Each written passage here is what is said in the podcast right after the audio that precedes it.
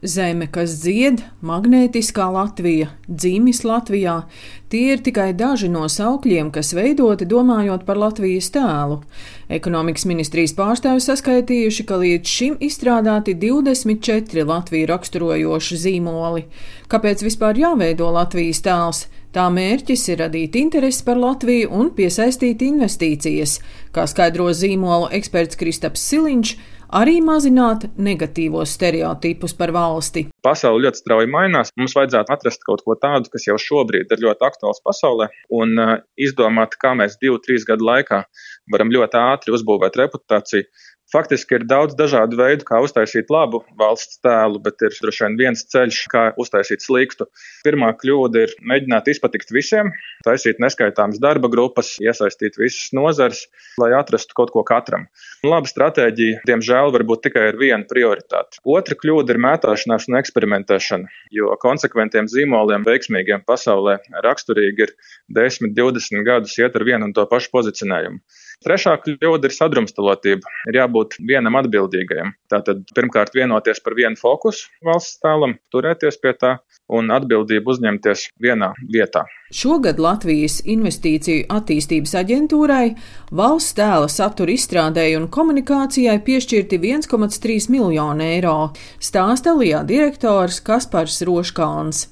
Latvijas institūts darbojās četru cilvēku sastāvā ar eh, relatīvi limitētu budžetu mēs ar šo soli panāksim efektīvāku valsts budžeta līdzekļu izlietošanu. Un proti, mums ir atsevišķs budžets mārketingam, jeb komunikācijai gan no turisma viedokļa, gan no ārējās tirdzniecības veicināšanas departamenta, gan investīciju piesaistes departamenta. Šos budžetus saskaņojot un virzot vienotā stratēģijā, tad arī izdosies maksimāli efektivizēt tos līdzekļus, kas ir pieejami, lai nerastos dažādas kampaņas ar dažādām vērtībām. Jo vēstījumi un saukļi var būt dažādi, bet būtiski, lai tās vērtības par mums, kā par Latviju, ir līdzīgas. Ja mēs spējam ieinteresēt pasauli ar kultūru, mākslu, vēsturi, tad uh, cilvēkam gribās par valsts uzzināt ko vairāk. Nākamais solis ir iespējams turisms, un tad uzņēmējiem ir daudz vieglāk vest sarunas. Nord DDB Rīga direktors Andris Rubīns vērtē, ka valsts tēla veidošana norit gausi. Jau pērn augusta beigās notikušas piecas radošās darbnīcas, kurās piedalījās dažādu jomu pārstāvji - eksportētāji un startup, turisma, kultūras, tehnoloģiju, zinātnes un citu jomu pārstāvji, kas Latviju raksturoja kā valsti ar jaunradas potenciālu. Latvija ir tomēr ļoti ērti savienota ar tiem Eiropas kultūras un biznesa centriem. Interneta kvalitāte un savienojamība arī Latvijā ir viena no augstākajām gan Eiropā, gan pasaulē. Otrs bija tas, ka mēs spējam šīs dažādās pasaules vienot, jo skaidrs, ka Latvija ir tāda ziemeļu, rietumu, austrumu kruspunktā. Vienlaiks mēs esam Baltijas centrs. Un trešais virziens bija par šo mūsu spēju dažādas jaunas lietas, gan radīt, gan testēt, gan izveidot. Centrālā stīga ir šī jaunrade, kas apvieno radošu pieeju gan biznesā, gan tehnoloģijās, gan zinātnē, gan turismā, gan arī šo radošumu tādā veidā, ka mēs spējam ar salīdzinoši mazāk resursiem piedāvāt pietiekami augstu kvalitāti ļoti dažādās jomās.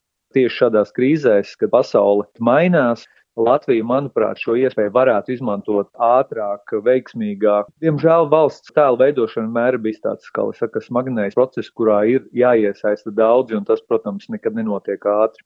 Zīmolu eksperts Kristaps Siliņš valsts tēla veidošanā aicina ņemt piemēru no Igauniem, kas negatīvos priekšstats par Igauniju pārvērtuši ieguvumā.